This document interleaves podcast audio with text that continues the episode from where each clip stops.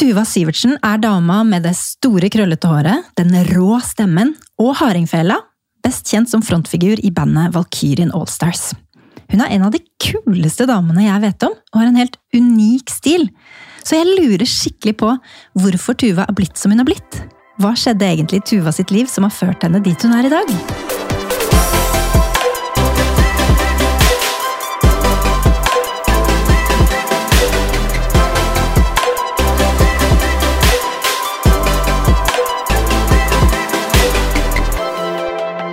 Velkommen, Tuva. Å, takk. Jeg var midt i en kaffeslurk. Men takk, det var, det var rørende. Hva skjedde egentlig? Kunne det vært tittelen på biografien din? Ja, det kunne det nok ha vært, ja. Det tror jeg ikke hadde passa så dårlig. Tror du det blir en biografi en gang? Nei, jeg tror vel ikke egentlig det. Men eh, planen min er jo å bli en legende, sånn at jeg bare kan eh, liksom Når jeg er gammel, at jeg bare kan rulles inn på scenen i en rullestol og sitte og hvese inn i mikrofonen, og alle syns det er helt topp. Er du ikke nesten en legende allerede? Uten at man kan si det når du bare er 38 år? Nei, det, nei. det må nok eh, jobbe på litt, tror jeg. Ja, jeg kan få lov å si det, da. Du kan At, si eh, det. Du nærmer deg i hvert fall. Ja, det er bra. Men hvordan har du det i dag? I dag har jeg det ganske bra. Jeg har stått opp tidlig, for en gangs skyld. Ja, har du noen morgenrutiner? Mm, nei, nei, for jeg har eh, Nei, jeg har i grunnen ikke det, fordi at øh, eh, Ja. Dagene mine er så forskjellige. Og nettene, ikke minst. da, For jeg jobber jo mye øh, seint. Sånn at øh, når jeg står opp, og hva jeg gjør når jeg står opp, det varierer veldig. altså. Men jeg, jeg er glad i å stå opp tidlig, og, men det er ofte jeg gjør, det bare, jeg gjør det fordi jeg må, men når jeg først gjør det, så føler jeg meg normal, og det er jo digg. Du sier at dagene dine er veldig forskjellige. Hvordan ser en drømmedag ut for deg? Eller kanskje en drømmeuke, da? Mm, altså på mange måter så når, når det skjer veldig mye, så trives jeg godt, da. Eh, ehm, samtidig som Jeg vet ikke. Jeg, eh, jeg, jeg liker at det koker litt. Ehm, og på måte, har på en måte utvikla en sånn teknikk for å uh, håndtere uh, ja, stress, da, er det vel egentlig. Men at, at uh, For jeg går veldig mye Jeg, jeg gjør mye forskjellig i, i, i virket mitt. Da, sånn at jeg, det der å hoppe fra en ting til en annen, og gjerne liksom gjøre tre forskjellige prosjekter i løpet av en dag, og du vet sånn um, At man må omstille seg, det har jeg blitt ganske god på. Samtidig som man, det blir, blir jeg også sliten av, og kanskje mer sliten av det nå enn jeg gjorde da jeg var- yngre. da. Så det er en sånn eh, jeg, jeg lurer stadig på om, om det er sunt for meg eller ikke, da. Men eh, Men du trives med det? ja, og man må jo gjøre det man blir glad av. Du sa da du utviklet noen teknikker for å takle den type stress, Mm. som da dermed gjør at du trives med det. Hva slags type teknikker er det? Er det noe spesifikt du kan forklare, eller? Det handler veldig mye om å eh, ikke tenke på alt på en gang. Altså eh, hvis, man, hvis jeg, hvis jeg liksom ser på kalenderen min og bare ser på uka som skal komme, og, og, ta, og liksom begynner å tenke på alt som skal funke, og bare alt jeg skal lære meg og alt jeg skal få til, så, så eh, blir jeg stressa og redd, liksom. Og, eh, så det er liksom bare å ta det- ta én ting om gangen. Da. Det er det som er trikset. Bare være, egentlig bare, det handler bare om å være til stede der man, i det man gjør akkurat da. Og så prøve å ikke tenke på det som kommer etterpå. Fordi når du ikke takler stresset, hva skjer da med deg? Får du høye skuldre? Blir du anspent? Ja, og så blir jeg nok litt sur, kanskje. ja. Hvem er det det går utover da? Bandkollegen, eller? Um, ja, det kan det gjøre. Uh, ja, det er jo de nærmeste Det det er jo de man tør å vise det til, som regel, men Har du kjæreste, forresten? Ja, jeg har det. Ja. Hvor lenge har det vært? Mm. Et par år. Ja. Ja. Så hyggelig. Jeg tenkte jeg måtte grafse litt i det også. Ja, det er bare å grafse på. Du, eh, vi har kommet til spalten Wikipedia, der jeg leser fra gjestens eh, Wikipedia-side. Tenkte jeg skulle gå gjennom din. Okay. Den er muligens ufullstendig, så du får bare stoppe meg eller korrigere etterpå. da. Ja. For man kan jo, som jeg alltid sier i podkasten, man kan jo ikke store blindt på Wikipedia. Tuva Livsdatter Syversen, født 16.07.1983 i Oslo, er en norsk musiker og hardingfelespiller. Hun er best kjent som felespiller, vokalist og frontfigur i musikkgruppen Valkyrien Allstars, som hun startet sammen med Ola Hilmen og Erik Sollid. Sammen med Erik Sollid vant hun Edvard-prisen i 2015 i Åpen klasse for musikken til Valkyrien-albumet Farvel, slekt og venner. Under Spellemannprisen 2020 vant Valkyrien Allstars klassen Viser for albumet Slutte å begynne, mens Syversen ble nominert i klassen Årets tekstforfatter. I 2010 var hun med i TV 2-serien Det store korslaget, hvor hun ble stemt ut i tredje episode av programmet. Høsten 2012 deltok hun i programmet Stjernekamp på NRK1 og kom helt til finalen, hvor hun tapte for Rita Eriksen. Boo. I 2020 var hun en av deltakerne i niende sesong av Hver gang vi møtes på TV 2. Ja, det var det. Ja. Og dette er jo bare noe av det du har eh, vært med på opp igjennom. Mm. De- nevnte jo en del av de TV-programmene. Det har jo blitt eh, noen av dem. Ja, det har blitt eh, overraskende mange. Så jeg, jeg, uh, ja, jeg prøver å si nei til det veldig mye. Da. Som ikke, altså, egentlig så har jeg sånn regel at jeg sier nei til alt som ikke har med musikk å gjøre. Sånn lage mat og gå på fjelltur og sånn. Det, det kan andre holde på med, liksom. Men, men så er det, det er noe med det at jeg er veldig sånn tiltrukket av det derre Altså De der litt større TV-produksjonene, sånn som Stjernekamp, for eksempel, da, hvor ting det sendes live, det er svært apparat, masse flinke folk eh, i alle ledd, eh, det, eh, hvor det liksom er sånn det liksom, Den maurtua som er bak scenen der, da, eh, og alt som liksom skal funke på en gang, og det at det er noe litt sånn farlig over det. at det, sånn, hvis, du, hvis du synger feil, så kommer det på TV. altså det er ikke noe, Du kan ikke gjemme deg eller gjøre ting om igjen, eller sånne ting. Og det, mm, det liker jeg veldig godt. da. Eh, det blir jeg liksom skjerpa av. og jeg, eh, Akkurat det programmet, det var, jeg var med der i 2012, det var den første sesong av Stjernekamp. Det lærte jeg sinnssykt mye av, faktisk. Og er, er glad for at jeg var med. Så er det andre ting jeg kanskje tenker at jeg kunne droppa, liksom. Eh, Men det vet man jo ikke før etterpå. Altså, så det, det TV-greiene, det handler faktisk Altså en, en, en, en del av det er selvfølgelig at man ønsker å profilere seg på en eller annen måte. ikke sant? Eh, Men for meg så handler det kanskje mer om at jeg syns det er så gøy å gjøre det, da. Eh, Og at det, det er noe med at når, når du får muligheten til å fylle en sånt kommersielt rom da, egentlig med noe som du brenner for sjøl, så er det liksom Syns jeg det er dumt å ikke gripe den muligheten. da. Jeg skjønner veldig godt at du gjør det, og det har jo vært eh, en suksess, eh, disse TV-programmene du har vært med i gang etter gang. Stjernekamp, Korslaget, Hver gang vi møtes. Det har jo vært veldig sånn eh, gode musikkprogrammer, egentlig, så jeg skjønner hva du mener med at du har valgt den musikklinja. Det har kommet veldig tydelig fram. Ja, ja det er jo der, er der jeg føler jeg har noe å eh, bidra med, da, eh, egentlig. Stjernekamp må jo ha vært utrolig gøy, fordi du var med i første sesong, og den eksploderer jo. Det blir en kjempesuksess. Hvordan opplevdes det? Nei, det var Det var jo Jeg hadde ikke egentlig Jeg visste jo ikke helt hva det var, på en måte. Eller også, ingen visste jo det. Eh, Og jeg hadde ikke egentlig kalkulert med å komme så veldig langt heller. Det var ikke så mange som visste hvem jeg var da heller. Så, eh, så jeg hadde jo eh, jeg hadde jo booka på masse jobb med Valkyrien eh, litt utover i programmet. der sånn, For jeg tenkte da er jeg sikkert ute. Da kan vi dra til Hammerfest og spille konsert og sånn. Så det ble slits, det ble egentlig ganske slitsomt. Jeg, var, jeg tror aldri jeg har vært så sliten som etter det. Jeg tror jeg var sliten i et år. For det var eh, det var så intenst. Du har jo bare en uke på å forberede hver ting du skal gjøre. Og ehm, Ja, det blei litt mye, altså. Men jeg er jo mm, Ja. Apropos stressmestring, så, eh, så lærte jeg mye om det også den perioden der, da. Og øh, Ja. Og blei jo, altså jeg blei jo revet med. Jeg husker at jeg ble, ble skikkelig sånn sur da jeg tapte den finalen, som, jo, som ikke, selvfølgelig ikke har noe å si. for det, Jeg fikk jo være med på alle programmene, det var jo det viktigste. Men, men eh, ja, jeg ble mer engasjert enn jeg trodde, liksom. Ja, apropos hendelser som har preget deg, det må jo også ha hatt en stor betydning for både deg og Valkyrien Allstars. Ja Det har det nok hatt. Kan, um, det har det nok hatt. Og det Selv om Valkyrien er sånn band som på en måte bare Vi har bare spilt på hele tiden, uansett hva som har skjedd. på en måte, Og vi har jo hatt perioder hvor vi ikke vi har vært eh, så Hva skal jeg si populære.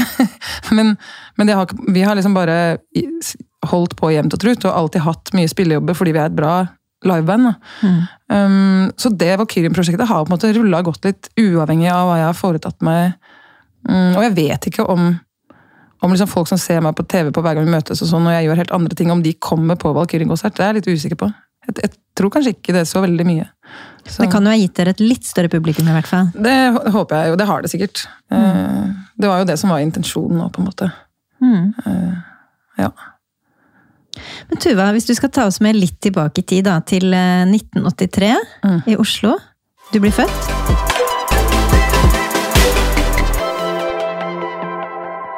Jeg blir født, ja, på Rikshospitalet, hvis jeg ikke husker feil.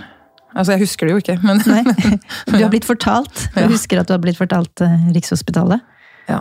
Og så vokser du opp på Brønnøya i Asker. Mm.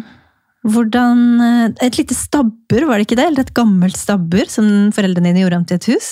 Mm, det er en gård som heter Brønnøya hovedgård. Mm. Så det var ikke et lite stabbur, det var et stort stabbur? I, ja, det var et relativt stort stabbur. Eh, som mamma og pappa bygde på det også. Så det er en del av huset nå som fortsatt er stabbur. da. Halvparten omtrent.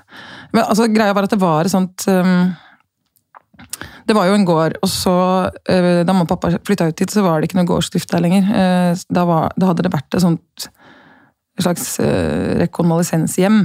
Sånn at de som jobba på det hjemmet, de bodde i stabburet. Så det var delt opp i sånne små, små rom, da, kott nærmest, hvor de ansatte sov. da. Um, ja, så de, da de flytta Jeg tror de flytta ut hit i 80. Og, og bare reiv ned alle de veggene og um. Bodde i det stabburet. Uh, og, og, um, og, det er et sånt tun hvor det bor ganske mange familier. Jeg tror det er sju familier. eller noe sånt, ja. Sånn at var, Da jeg ble født, så var det jo uh, Ja, vi var, vi var, mange barn der da, som vokste opp sammen. både på, altså jeg hadde jeg hadde kompiser på, som var like gamle som meg, og, og og både over og under på en måte var det mye barn. Da. Så det var, det var jo et, eh, et veldig sosialt sted å vokse opp. Rett og slett fordi man bodde så tett på hverandre. da. Likevel ganske sånn skjermet, for det ligger jo liksom litt utenfor allfarvei? Ja, det er jo en eh, det er jo ikke noen bilvei ut der, sånn at eh, det er jo mm, stille og rolig. Og særlig på vinteren. da. Det er jo mye hytter der ute, så på sommeren er det jo mer trøkk. Men Nei, så Jeg forholdt meg i veldig stor grad til de andre barna som bodde på øya. da. Men det føltes mer enn nok å ta tak i, egentlig.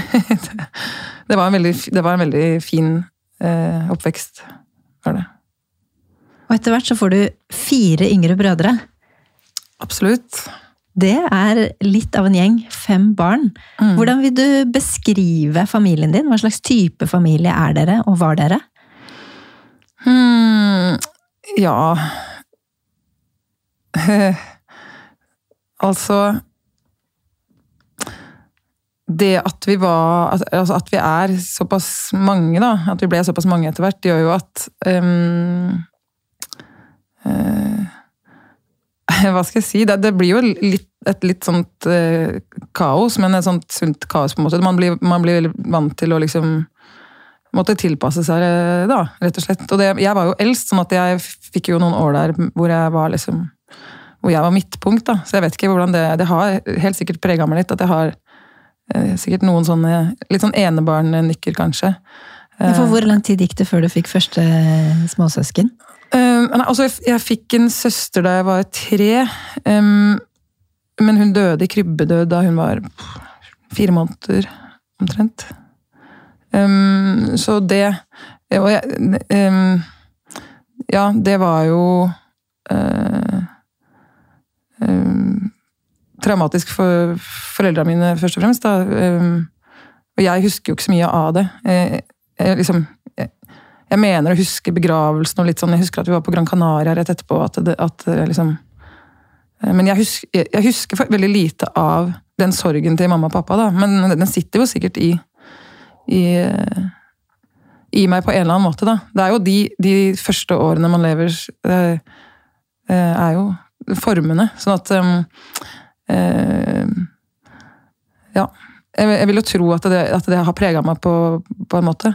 Eh, men så Så da gikk det to år til, og så eh, Så kom Ebbe, da, som er neste bror, eller ja, neste barn i rekka.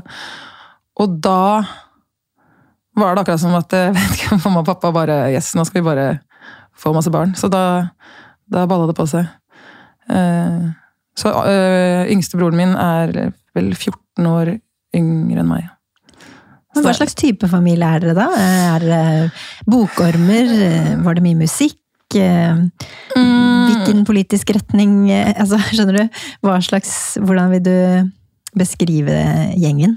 Ja, altså det er jo mye mm, Mye sånn opp og ut. Altså mye, mye natur og jakt og fiske og selvfølgelig mye båt og hav. Uh, siden vi bodde på en øy. Mm. Og når man vokser på en så han, han, mye handler det om å bare ja, være ute, rett og slett. da. Um, I tillegg så så kom jeg altså, Både mamma og pappa, særlig mamma, kanskje, var veldig opptatt av at vi, at vi skulle lære oss ting. Mange, mange ting, helst. da.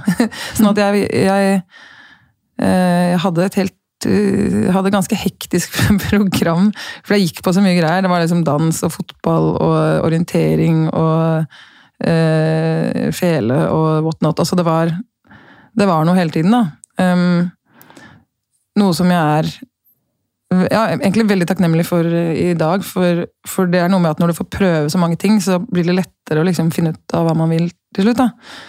Eh, men så, ja, altså, mamma og pappa kjørte oss mye til ting. Altså, det var jo Ja. Det var liksom, altså, jeg vet ikke hvordan jeg skal beskrive den familien, for jeg er ikke så vant til å tenke på den utenfra, liksom. Men, men det var det er, det er, i hvert fall et visst tempo, da. Det skjer, det skjer mye. Og så er det litt sånn eh, Mer fokus på det, kanskje, enn sånn det var ikke sånn alltid liksom, så ryddig og, og. Det var mer sånn ting gikk fort. Sånn, det er klart Når du skal lage matpakker til, til fire-fem stykker på morgenen, så er det Det går litt unna, liksom. da. Og mamma er sånn som får gjort sinnssykt mye. Og det er fordi hun ikke er like nøye på alt, da. Og det, eh, det har jeg i grunnen litt sansen for. Eller det har jeg vel, det har jeg vel på en måte, sånn er vel litt jeg også. At eh, At eh, Ja. Jeg liker å at det går at, Og jeg liker at det går unna, for da får jeg gjort masse greier. Og så er det sånn, ja vel, da fikk vi ikke støvsugd i dag heller, men samme av det. sånn. Mm. Ja. Men og så var, var Altså verken mamma eller pappa er musikere eller, eller noe sånt. Um, men det var mye musikk hjemme òg, for så vidt. Og, uh, og alle vi barna måtte lære oss et instrument. Det var liksom Det var bare sånn det var. Ja. ja. Så jeg begynte å spille piano, og så På et eller annet tidspunkt så gikk jeg over til fjellet, og da, det var egentlig da det var egentlig da det på en måte åpna seg for meg. Da, da, begynte jeg liksom å føle noe. Eh, da, ja, da, begynte jeg liksom å skjønne at musikk kunne være noe, et sted jeg kunne uh, ja, uttrykke meg. da, Få ut noe greier. Um, Stemmer det at moren din meldte deg på eller det hun trodde var fiolin, men så var det hardingfele, fordi det ligner på hverandre, og så ble det da hardingfele? ja, nesten. Altså, hun visste Ja, det var uh, Hun fant noe som heter Bærum Spellemannslag, som var da et hardingfelelag, da. Uh, hun visste at det var hardingfele, altså, men hun hadde jo ikke noe sånn særlig forhold til den, det instrumentet eller den musikken selv. Uh, og det hadde jo ikke jeg heller, selvfølgelig, så Men det var jo Ja, det er jo et godt eksempel på hvordan tilfeldigheter kan liksom Hadde ikke det skjedd, da, så hadde jo ikke jeg Det er ikke sikkert jeg hadde vært musiker i dag, faktisk. For det um, det, det, var bare Jeg kom til det spellemannslaget, og så var det en fyr der som heter Eller han het Halvard Kvåle. Um, for han døde for noen år siden? Han døde vel i 2006, ja. Um, han ble læreren din der? Ja, han var leder for det spellemannslaget, og jeg gikk også og tok privattimer hos han. da, Og han var en sånn utrolig inspirerende type. Han var fra Voss. Og var, hadde jo eh, bakgrunn som plateselskapsmann. Han jobba, han jobba med Arne Bendiksen. Og, og så starta han etter hvert sitt eget plateselskap, eh, Heilo, som nå er Grappa, som Valkyrien gir ut plate på fremdeles. da. Eller egentlig mye på grunn av han. Ja. Um, men han var veldig opptatt av, av jazz. eh, sånn at I tillegg til, folk, til norsk sånn tradisjonsmusikk. Da, sånn at han og han kobla de tingene veldig mye sammen. sånn at vi, eh, vi fikk, vi som gikk hos han, da, fikk ikke bare den folkemusikken, men fikk veldig mye sånn jazz. Fikk, pleide å få masse skiver av han. Og, og han hadde så mye historier, og det var så mye rundt. Um, og det gikk an å være hos han eh, så lenge man ville, på en måte. Og man fikk Grandiosa med ekstra ost, og det var liksom bare Det var chill. Ja. ja. Så han har absolutt vært et viktig menneske i ditt liv? da? Har vært med på å prege hele livet ditt, egentlig? Nesten hele? Ja, Fra du er 14-15 år? Ja, han er nok det viktigste mennesket Altså sånn det, det mennesket som har eh, hatt mest å si for min musikalitet, i hvert fall. Det tror jeg, det tror jeg nok. Eh, Men ja, Foreldrene dine du sier de, de var ikke musikere, men de spilte vel også mye musikk hjemme, så da har du litt derfra òg? Ja, også, Eller gir du all æren til Håvard Kvåle? Eh, Ja, må, jeg må nesten gi han eh, nesten all æren. Og, og, og eh, selvfølgelig foreldrene mine for at de eh, eh, Tvang dere til å spille instrument? Ja, altså for at jeg, jeg tror på Jeg var tolv år på det tidspunktet, og jeg hadde jo ikke noe sånn Jeg var et sånn veldig pliktoppfyllende barn som gjorde det jeg fikk beskjed om. Sånn at Det var ikke sånn at Jeg, jeg, jeg er usikker på hvor mye liksom, jeg ytret ønske om å spille musikk. Jeg tror det var mer sånn at mamma bare Det skjer. Og så tenkte jeg ja, ja men da gjør vi, gjør vi det. Og så, øh, og så endte det opp med å bli en lidenskap for meg, da, som, som jo er Det hadde jo ikke trengt å være sånn. Nei. Kanskje var det sånn som eh, andre ting, eksempel dans, eller sånn andre ting de meldte meg på, som, som jeg bare prøvde å bare Nei, dette er ikke noe for meg. Og så, så går man videre. Men det, det, mm, ja, det var det jeg snakka om i stad, at eh, det å få muligheten til å prøve ting, da, Mm. eh, det er jeg glad for. Og jeg hadde helt eh, Egentlig så er jeg jo liksom bedagelig menneske. sånn at det, Hvis jeg hadde hatt foreldre som ikke hadde pusha meg litt, så er det ikke sikkert at det hadde blitt så mye av det. Rett og slett. da. Men det er vanskelig å si. Men du forteller nå at Håvard Kvåle, læreren din på Bærum spellemannslag, ble veldig viktig for deg, en viktig person i livet. Men der møtte du jo også Erik Solid, som er den du starta Valkyrien Allstars sammen med. Mm. Det er jo også litt spesielt. Hvordan Ja. ble dere kjent? Nei, vi ble kjent i spellemannslaget der. Han, han begynte noen år etter meg og var dritgod. Irriterende god. uh, han er ett år yngre enn meg, da.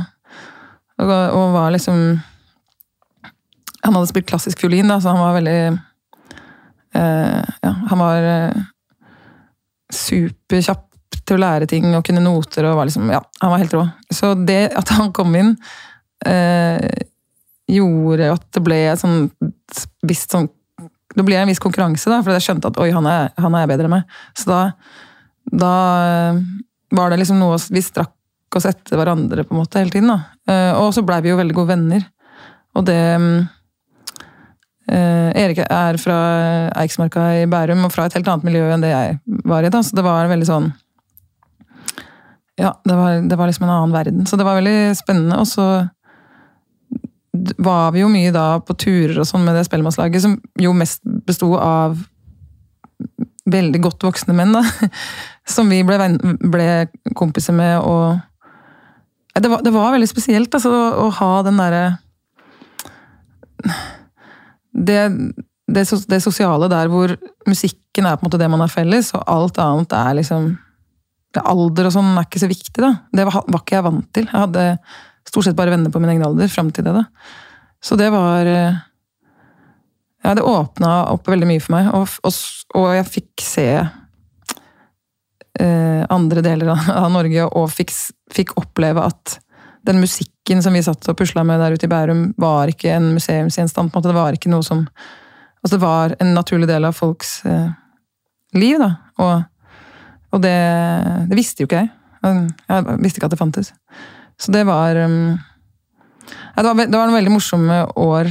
Eh, de tenårene, liksom. Da dreide egentlig mye seg om folkemusikkgreiene. Og så levde jeg et litt sånn parallelt liv på skolen med liksom, de andre vennene mine. og sånn. Jeg, som, men jeg gikk på Steinerskolen, da, så det var jo det var jo ikke helt sånn superstreit der heller, på en måte. Men Der gikk også Erik Solid.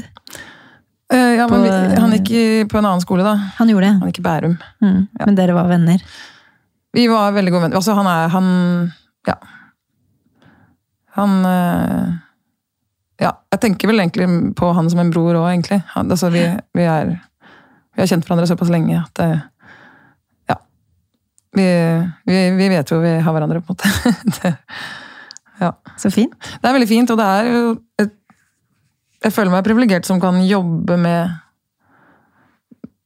skikkelig gode venner. Eh, Og i en så intens jobb som det er å spille i band, da, så er du på en måte nødt til å Man er nødt til å gi hverandre litt uh, slack hvis det skal gå. Det er jo som et slags Det er jo som en slags familie, det òg. Um, og det gjelder for så vidt hele Valkyrien, at vi, vi er fryktelig gode venner, og vi, vi jobber veldig mye sammen. Og så når vi ikke jobber, så er vi mye sammen da òg. Og det tenker jeg er en sånn sunnhetstegn. da. Man, man ikke er lei man, man er ikke lei av hverandre. Og det er jo en forutsetning. Det, det er en grunn til at veldig mange band ikke varer så mange år, da. Det er jo fordi at det er Det blir, det blir fort konflikter, ikke sant? Og ehm, som, ehm, og eh, man vil i forskjellige retninger musikalsk og sånn. Og det, jeg, jeg tror at det I Valkyrien så har vi um, flat, veldig flat eh, struktur, sånn at alle alle er liksom med, alle blir hørt. Det er ikke noe, og det tror jeg er viktig. Hvis med en gang noen føler seg liksom tråkka på eller forbigått eller eller sånn, så, så blir det fort trøbbel. Så det er ingen diktator der. Nei, det er det ikke. Eh, Jeg hørte nemlig, jeg intervjuet Alex Rosén, og han mente at et band ofte fungerte best med én diktator, som bare fortalte alle hva de skulle gjøre. Det er jeg så ufattelig uenig i, Alex. Han har kanskje, han har kanskje et litt annet type band enn det Valkyrien Allstars er. Han har ikke noe band. Hvor det er liksom han som er frontfiguren. da. Nå skal vi ikke snakke om Alex Rosén i denne podden, hvor han er frontfiguren og på en måte har med seg et band. Det er litt Ja. annerledes. Det er selvfølgelig annerledes, men, eh, og da er det jo Det blir dynamikk, altså det blir jo en helt annen dynamikk, men det er klart eh, Det kan fungere eh, bra, det. Men, men, men det er det at eh, mm, Jeg vet ikke, jeg har litt sansen for det der at um, At alle alle får likt betalt, eh, ting er streit, og at man da får så mye mer lyst til å bidra inn i prosjektet, da, og at man kanskje får litt mer overskudd i alle ledd. Da. Og, um, og jeg er veldig glad faktisk for at jeg ikke spiller Eller at jeg ikke har en hverdag der jeg liksom er sjefen, og det er noen sånn innleide flinkiser bak meg som mm, Som er høflige, skjønner du? Altså, det er noe med mm, jeg, jeg, liker, jeg liker det at det er litt sånn jeg liker det kollektivet.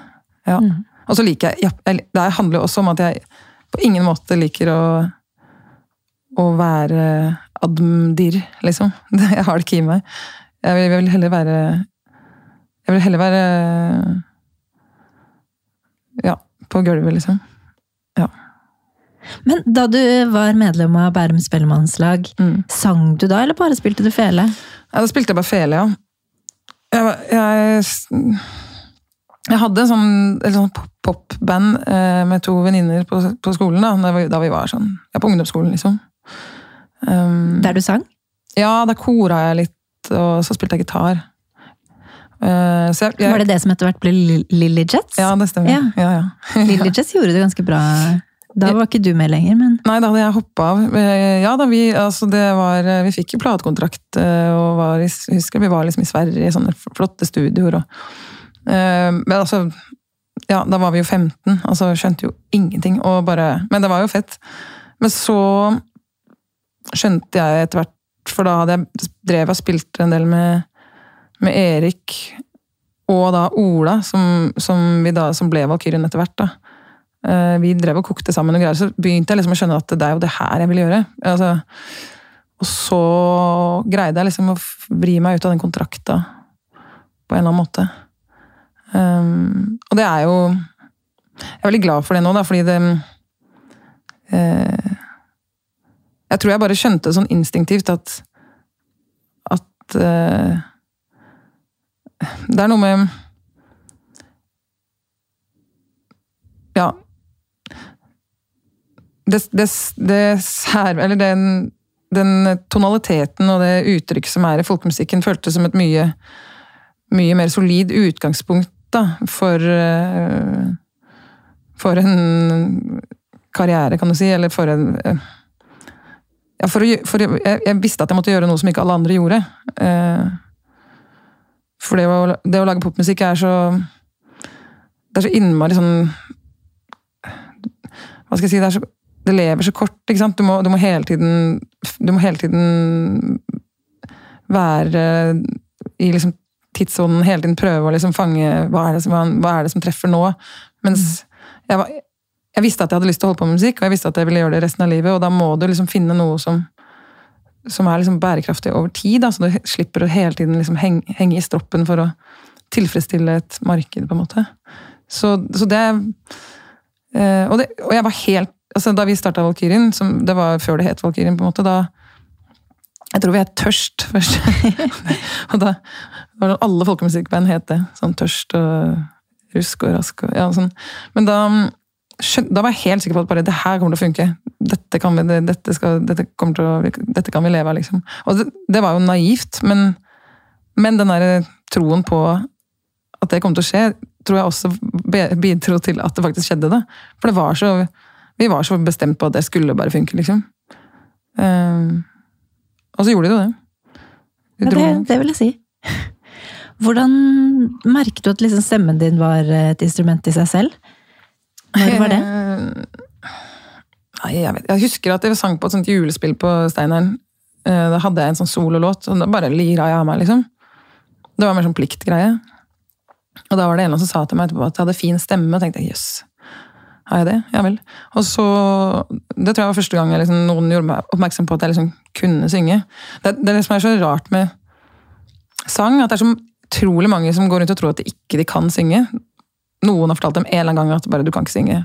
Nei, det er ingen i vår familie som kan synge. Altså sånn, Kan synge? Hva da? Alle kan synge. Hvis Eller Ja. Jeg syns i hvert fall at hvis noen synger og mener det, uavhengig av på en måte stemmekvalitet, så er det det er nesten alltid fint å høre på, liksom. Det, um, så det der med å Det at jeg oppdaget at Eller det at jeg Jeg begynte å synge ikke sant, på, så smått på ungdomsskolen, og kanskje Da jeg begynte på videregående, så hadde jeg vokal som biinstrument. Det tror jeg man måtte ha. Og han læreren min da, Ivar Krogh Hovd, het han. Mm. Bless him. Um, han uh, ga meg en sånn bok med Kari Bremnes-låter, og bare Syng det her. Og, bare, og, han sa til meg at bare, du, du, kan synge, du må synge masse.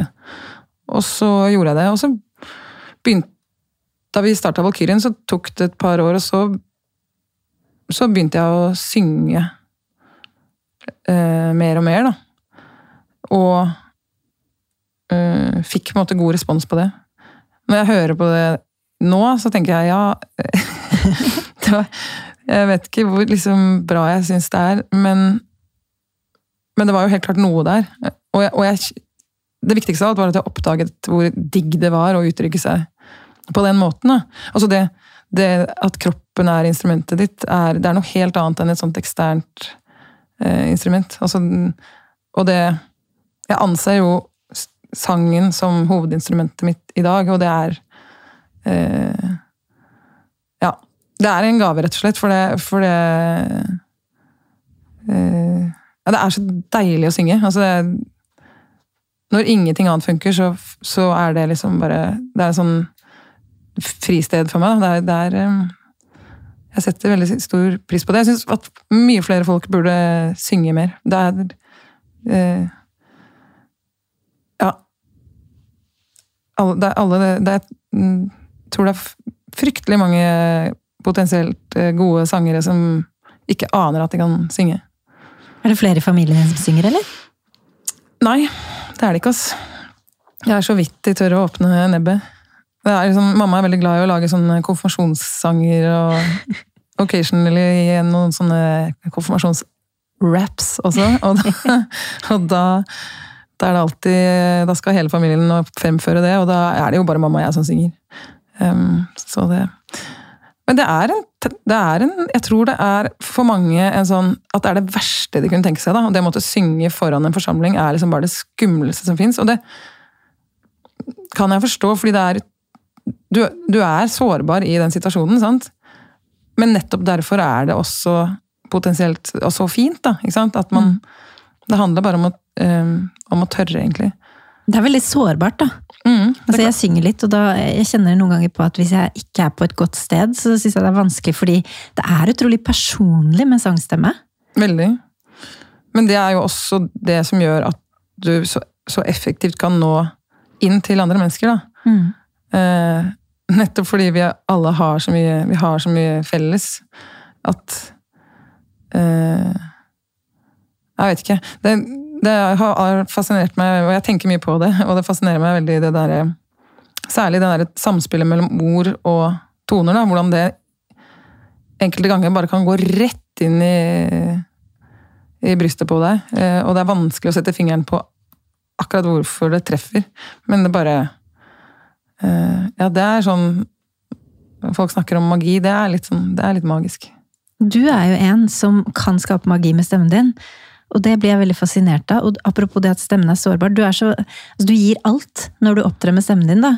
Det må koste en del. Blir du veldig sliten etterpå? Fordi jeg føler at det er ikke mm. alle som gir så mye av seg selv når de synger som det du gjør.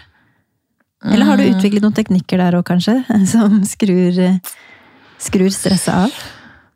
Ja, jeg blir ikke så Jeg blir nok sliten av det, men det er liksom ikke Jeg får mye Det gir meg mye òg, da. Så jeg, jeg ikke, nei, jeg ikke, det er ikke det jeg blir sliten av. Jeg blir sliten av uh, alt det andre, liksom.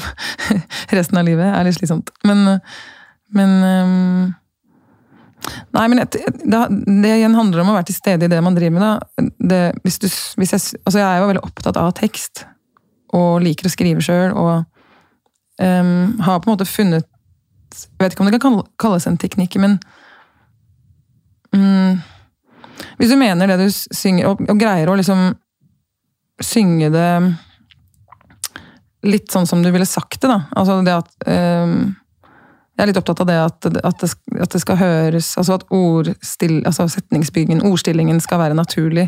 Sånn at det høres ut som noe du kunne sagt. At ikke sang og tale er så langt fra hverandre. Da. Det er jo noe som er veldig sentralt i, vokal, altså i folkemusikken. da. Um, Men har du alltid sunget på den måten? Med den folkemusikknekken? Ja, det har jo liksom vært fela som har vært Jeg har aldri tatt noe sangundervisning, og sånn, så det har jo på mange måter vært fela som har vært utgangspunktet altså, herm, altså Ornamentikk og sånn har jeg jo henta mye derfra.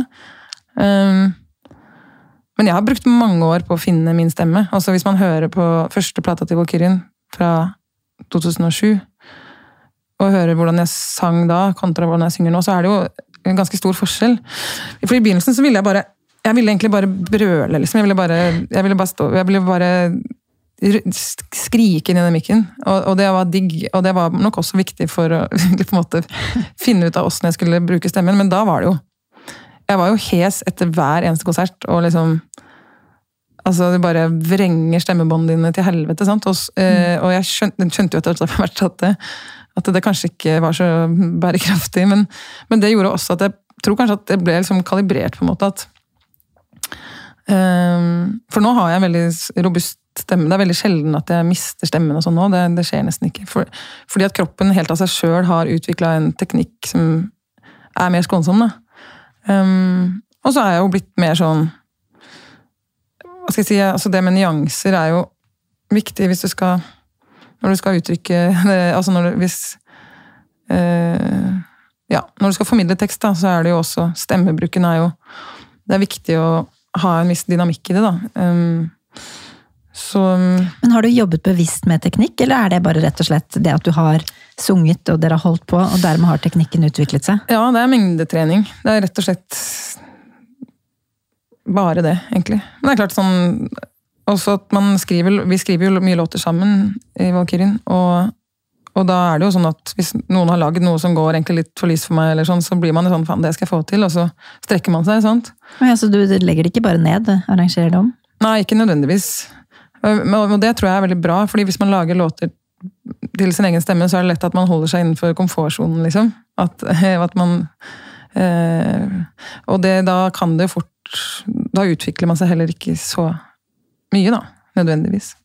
Men du, du nevnte at moren din var god på konfirmasjonssanger, og mm. noen ganger flettet inn litt rapp, til og med. Ja. Det var jo på et tidspunkt i din musikalske karriere at du liksom begynte å rappe litt. Hva skjedde der? ja, det er et godt spørsmål. Nei, ja, hva skjedde der? Ja, um... ja, men Det utviklet jo musikken deres litt, gjorde det ikke det? Jo, veldig. Altså, det var jo egentlig Det har hatt veldig mye å si for, for meg, egentlig. Det var jo bare Jeg hang mye med en som heter Nils med Skills, Skranglebein og Julian, som ha, hadde en sånn impro-gruppe som heter Stor overraskelse, som er impro-rap da, og, og beatboxing. Uh, som Valkyrien jobba litt med og sånn også. Og, så, og, var veldig fascinert av det de gjorde, da, som var å, altså det å improvisere med ord. Det er jo så, så sjukt mye vanskeligere enn å improvisere med toner, fordi ord er så konkret at det, liksom, det blir så feil da, når det blir feil. Uh, og de gutta der er på et sånt helt sykt nivå. Eh, det var så mange lag, liksom, av, av bra, bra skitt. Så jeg, jeg, var veldig fascinert av det. Og så hadde de sånn hver tirsdag hadde, møttes de en gjeng og, og freestyle-rappa. Og så blei jeg med en tirsdag og tenkte ja, ja, jeg kan jo prøve, liksom. Det er sikkert ikke så vanskelig. Og så var det Jeg, jeg var så dårlig. Altså, jeg var helt sånn Jeg kunne ikke tro det sjøl, nesten. at det var en og så ble jeg sta. Jeg kan være litt sånn sta, så jeg ble litt sånn en, en, tenkte sånn, Jeg nekter å være så dårlig på noe som jeg har lyst til å gjøre. Så, så jeg bare øvde masse. Eh, sikkert et år, liksom. Men hva sa de andre rapperne til måten å rappe på? Godkjente de det, eller nei, de, lo de? Ja, nei, de lo ikke, men de, de, de, var jo bare sånn De får komme tilbake neste tirsdag, liksom. Og så gjorde jeg det, da. Jeg tvingte meg selv til å bare komme tilbake. Så jeg, jeg var veldig sånn jeg var der hver tirsdag uh, i flere år, liksom. Og, og da blei jeg jo god. Og så, så hadde jeg ikke på en måte noe Jeg har ikke hatt noen ambisjoner med, med rappinga, bortsett fra at jeg var fascinert av det. Og så, men så begynte jeg liksom å være med og gjøre litt sånn show, shows og sånn, og så skrev jeg noen vers og spilt, la noen vers på andre sine låter og sånn. Så har jeg lagd noen egne, gitt ut noen rapplåter selv, og, og bare sånn Det er jo en hobby. Men det, det gjorde så sjukt mye med skrivinga mi. Plutselig så bare kunne jeg skrive superfort, og, og, på en måte om hva som helst. Og vi sitte, når vi sitter og lager låter med Valkyrien nå, så skriver jeg bare teksten mens vi lager melodien. og så Alt går bare mye fortere, da. Og det på mange, Hvis man hører på siste skiva til Valkyrien, da, slutt å begynne, så kan man sikkert høre at måten jeg skriver på, er øh, en kombinasjon av en vanlig låt og en rapplåt, på en måte? Ja, man hører liksom at det er mye inspirasjon som er henta fra, fra, fra, Ja, fra den måten å skrive på. For når du skriver raps, så Når du skriver et vers, så er det liksom 16 takter, og så er det så utrolig det, Altså, det, det er så mange flere ord da, enn du trenger for å liksom, Hvis du skal lage en vise eller en poplåt, så trenger du ikke så jævlig mange linjer, liksom. Uh, og du kan gjenta det, og du kan liksom dra det ut i det vide og det brede. Mens ved en rapplåt så blir det bare sånn Du må fylle de taktene med ord, og dermed så blir, skriver du jo mye, mye mer uh, enn du ville gjort enn jeg gjorde før. Sånn at jeg bare Jeg ble jeg, jeg, uh, Ja, jeg vet ikke. Jeg var veldig takknemlig for at jeg at de gutta liksom tok meg med og lærte meg det greiene der. Og eh, jeg ble så gira, liksom. Jeg ble sånn fjortisgira. Sånn at jeg liksom jeg, Plutselig så innså jeg at, liksom, at nå begynner rappinga å gå liksom utover jobben min. Altså nå, For jeg prioriterte det liksom foran veldig mye annet. Og, og det eh, Ja. da, eh, nå, nå, har jeg på en måte Jeg, jeg driver med det fortsatt en, en, god del, altså.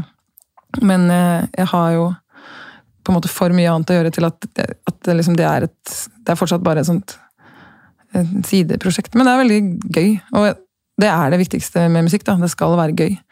Og hvis ikke det er det, så blir man lei. Så det er jo Jeg, jeg tror det òg er sånn Det gjelder jo ikke bare musikere. Jeg tror alle Det der med å lære seg nye ting i voksen alder, selv om det føles liksom Det er så ekkelt å være så dårlig på noe. ikke sant? Å begynne fra scratch. Det kan være litt vondt. Ja, litt tro- flaut. Veldig flaut. Og så når du begynner å rappe når du er liksom eh, 34 år gammel dame, sånn som jeg gjorde, det er jo smertefullt. Ikke sant? Fordi det er, sånn, det er sånne ting som man burde begynne med når man er 12 isteden. Men, men det er aldri Altså, det kommer alltid noe godt ut av det, og, og man får alltid brukt det i en eller annen sammenheng. Eh, det, det meste lar seg liksom overføre til noe annet, og jeg tror, ja, det er, et godt tips. altså Bare eh, svelge den stoltheten og tørre å lære seg noe nytt selv om man er voksen. og Man, man hører så ofte det at liksom, nei, men det går så sakte å lære seg ting når man er voksen. Det er ikke nødvendigvis sant. Altså, fordi du har, som, du har også erfaring som gjør at du kan mm, kanskje omsette den nye kunnskapen litt lettere. da. Eh, Så det tror jeg er viktig. Altså. Men det også handler om å stille seg litt sårbar, selvfølgelig. Eh, Ja. Tuva, du er jo lesbisk, og det har du snakket en del om i pressen. Ikke så mye de siste årene. Men jeg kommer liksom ikke helt forbi det. selv om det er jo ikke noe unikt i dag. Men hvordan har det vært for deg å ja, være litt annerledes? Nei, det har Altså Jeg har jo på en måte alltid hatt et ønske om å være litt annerledes, tror jeg. Så, det sånn sett passer det inn. passer veldig bra. Men, men altså, sånn, sånn som bare nå, når du sier sånn du er jo lesbisk, så kjenner jeg at det rykker litt sånn Ja, og det rykket litt i meg, for jeg kjente sånn Det føltes litt sånn feil å si det. Jeg følte jeg formulerte det spørsmålet på en helt merkelig måte. Det var litt sånn Hvorfor snakker vi det hele tatt om det? Kjente jeg litt på. Ja, det kan du si. Altså, det, det er jo, man skulle jo ønske at man ikke trengte å snakke så mye om det, men, men jeg er fullstendig klar over at man må det, eller at det er viktig å snakke om det. Ja, for du syns det er viktig. Jeg syns det er viktig, men det er bare at det er sånn Ja, lesbisk og lesbisk Jeg vet ikke hva jeg er, jeg. Men, men øh, Hva er det som er riktig å si? Jeg vet ikke. Du er kjæreste med en jente? Ja. Dame. Dame? Ja. Nei, men Ja da. Altså, jeg er jo eh, Jeg skjønte jo ganske tidlig at jeg, altså jeg, ble, jeg, at jeg var liksom begeistra for damer på en annen måte enn en, en, Eller jeg syns liksom, syns liksom at det var så mye flere kule damer, eller flotte damer, da, enn det var menn. Og det syns jeg jo fortsatt. Så det, det er vel en slags Det er sånn Jeg vet ikke hvorfor det er sånn, men um, Men nei, det har ikke egentlig for meg bydd på så mye negative eh, erfaringer, egentlig. Fordi at jeg Da jeg skjønte det, liksom, at det, at det gikk an å bare være sammen med damer. eh, og ikke bare være sammen med menn. Sånn, man, blir jo, man blir jo oppdratt i eh, Altså, det er jo folk Jeg hører veldig ofte det når folk snakker med barn, da, sier de sånn Hvis det er en jente, så bare Ja, liksom Å finne deg en eh, en kjekk gutt, da bla, bla. Altså, Folk snakker til barn som om det er en selvfølge at de skal velge den, den veien, da, den heteroen pakka. Ja. Som jeg, det er ganske uheldig, vil jeg si, fordi det, det er jo, ja, det kan man jo ikke vite, og jeg tror veldig mange bare går for den går for den um, mann og barn, eller kone og barn-modellen, litt uten å egentlig ha kjent etter om det er det eneste som alternativet, da, jeg mener. At Mm. ja, samfunnets normer tikker ganske, ganske fort inn. eh, Veldig tidlig alder. Veldig tidlig, og det er litt uh, trist, og det, um, egentlig. At man er så At man blir så låst uh, i huet. men, men det, og det var jo jeg òg, men i hvert fall da, som sagt, da jeg fant ut at det, det gikk an, så ble jeg, ble jeg jo egentlig mest glad. Altså jeg ble mer glad enn jeg ble redd av det, da. Det, altså jeg hadde ikke noe sånn skamfølelse rundt det. Når var det du Eh, fant ut at du var det, på en måte, og ville Nei. komme ut som det? Nei, eh, hva kan det ha vært da? 19 eller sånt da, kanskje? Jeg husker ikke helt. det. 1920, noe sånt. Men det, da hadde jeg jo på en måte visst om det en stund, men da men, men jeg tok ikke det liksom Det var ikke noe sånn tung hemmelighet som jeg gikk og bar på. Det var mer sånn at jeg tenkte ja, ja, men det Det sånn er det, liksom. Og så jeg gadd vel ikke å si det til noen, tror jeg, før jeg liksom ble sammen med eller før, jeg liksom fikk meg kjæreste. Og det tror jeg kanskje var 20 da.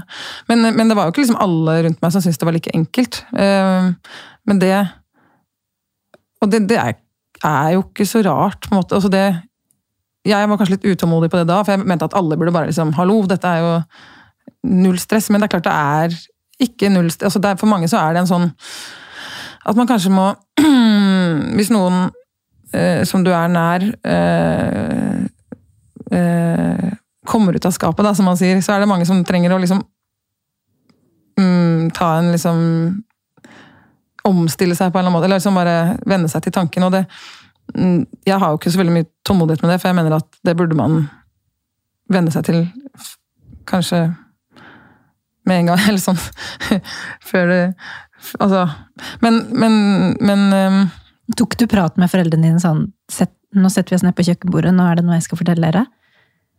Uh, ja, jeg gjorde vel det. Og de, altså, de har jo altså På mange måter så tenker jeg at Det gjelder jo ikke bare de, men liksom alle som, som har uh, en nær, nær relasjon hvor, hvor, som kommer ut av skapet, eller på en eller annen måte er viser seg å være noe annet enn det de hadde tenkt. da, skjønner mm. Eller ville leve på en annen måte enn det, det, det, som man kanskje tenker at barna sine eller søsknene sine eller sånn skal gjøre. At, at, det er bra Jeg tror det er for mamma og pappa at det sånn Ja, det er sunt, da. Det er veldig sunt å bare Å ja, ok.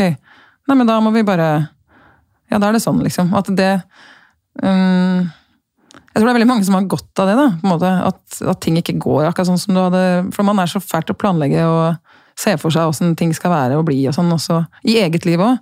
At uh, man, må, man, må, ta høyde for at det ikke blir sånn. Og uh, Ja.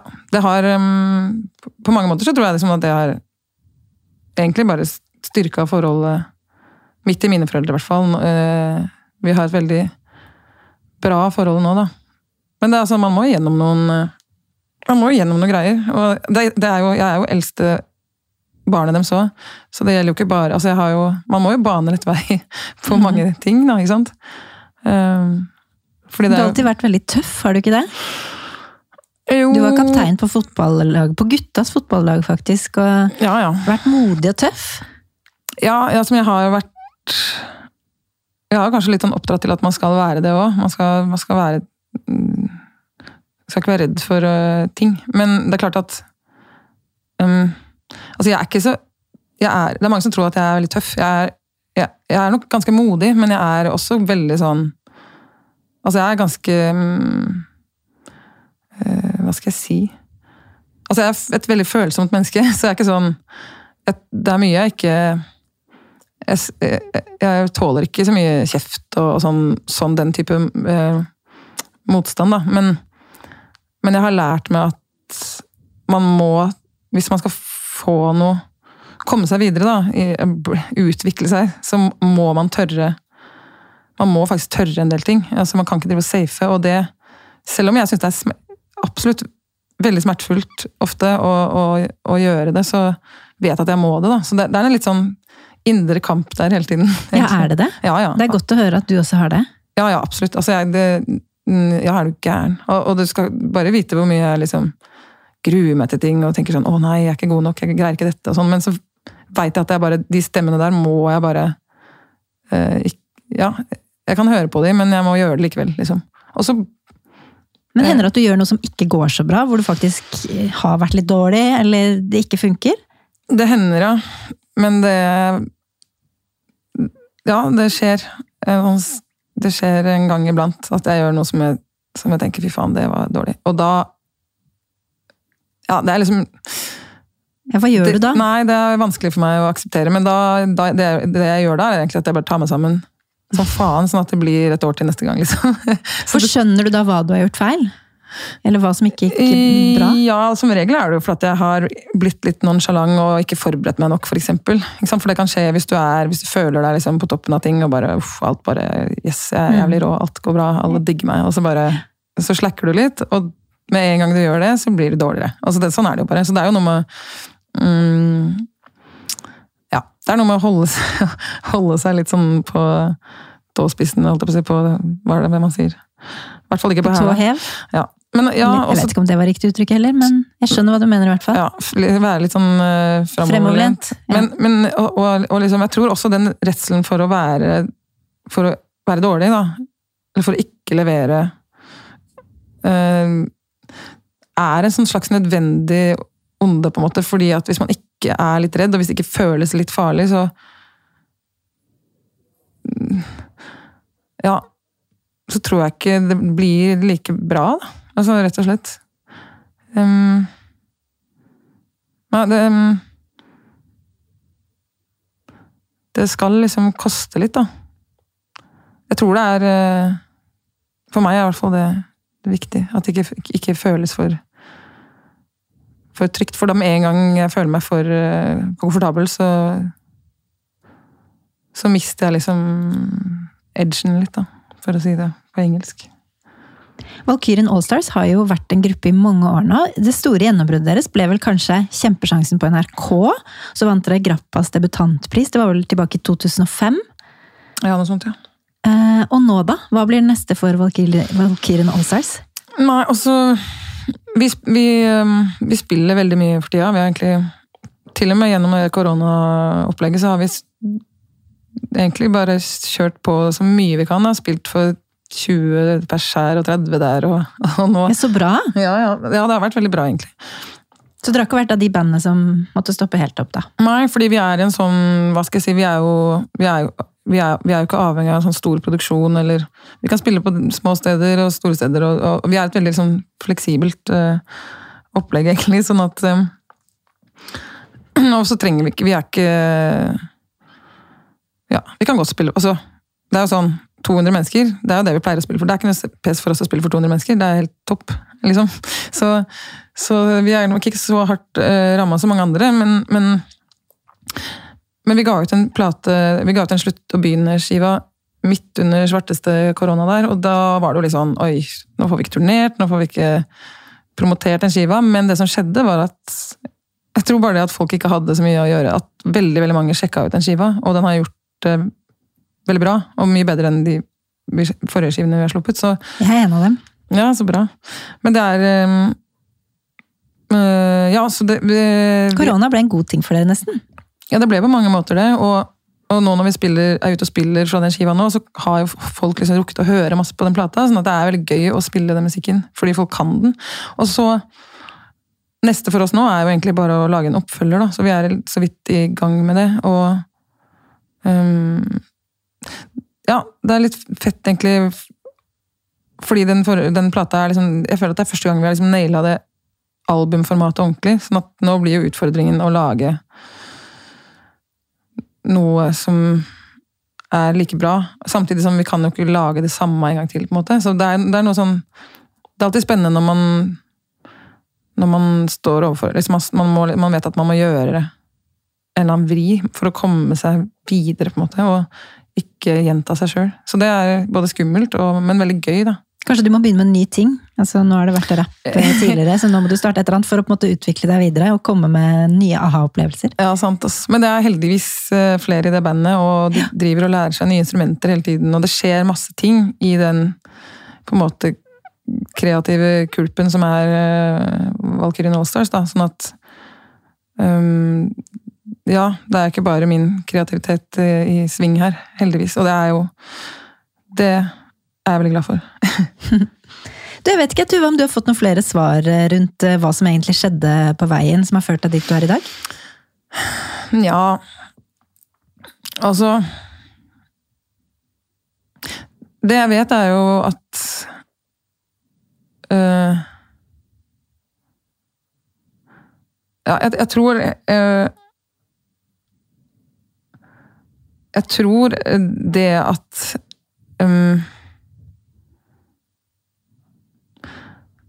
det, at jeg, altså det som vi snakka så vidt om i stad, med det, det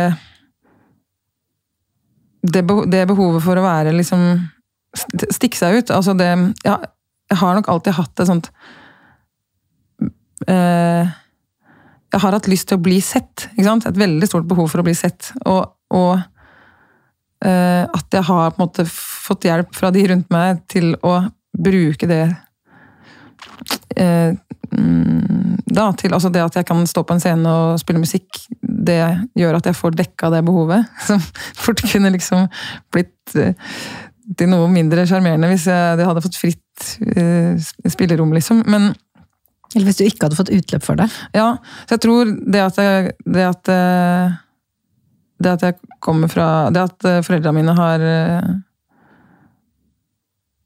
har oppfordra meg til, til å gjøre det, da. Um, å bli god på noe. Liksom at det, det, det tror jeg har hatt veldig, veldig mye å si, faktisk. Og det mener jeg sånn Altså, jeg snakker jo ofte med ungdommer som er sånn De vet ikke, de aner jo ikke hva de skal gjøre. sant? Gå på videregående og bare Fuck, hva skal jeg Jeg må bli noe. Og det er, så utrolig mye snakk liksom, Det er så mye press på at man skal liksom bli noe da, hele tiden. Og da er liksom Da tenker jeg ofte at åh, bare eller, Og jeg sier det jo også, at liksom Bli Finn noe du liker. Bli jævlig god på det. Og da kommer den veien til å på en måte åpenbare seg av seg sjøl. Det er mitt beste råd. Bare bli god, altså. det er jo Og hva skal til for å bli god? Øve mengdetrening. Ja, du må øve, du må øve men eh, du må, det viktigste er at, er at du har så lyst til å gjøre det at den øvinga ikke føles som øving. jeg mener. Altså at jeg har absolutt ikke øvd så dri... Altså jeg har øvd, men jeg har gjort, det har ikke følt som Det føles fortsatt ikke som, som jobb. Liksom det er, det er eh, Jeg gjør det én fordi jeg har lyst, og to fordi at jeg faktisk føler at jeg trenger det. Altså jeg må Det er Jeg trenger det. Mm. Sånn at det er um, Det handler kanskje om å finne, om å finne For alle har liksom Alle har noe de kan bli gode på. Altså, alle har Vi har alle kvaliteter, liksom, og, og potensialet. Så man må liksom bare kanskje gi seg selv ro til å prøve å bare finne den tingen, da. Eller finne den retningen, på en måte. Eh, Men jeg skjønner jo også at alle ikke kan holde på sånn. Altså, Vi har jo et samfunn som skal gå rundt her. Det er ikke sånn at alle bare kan eh, liksom sveve rundt og gjøre det de har lyst til. Altså, det er jo Men eh, man blir jo også bedre på jobben sin hvis man faktisk liker den. Så det, ja. Ja. Tuva, det har vært veldig hyggelig og skikkelig inspirerende å høre på deg. Tusen takk for at du ville være gjest i podkasten. Tusen takk for meg.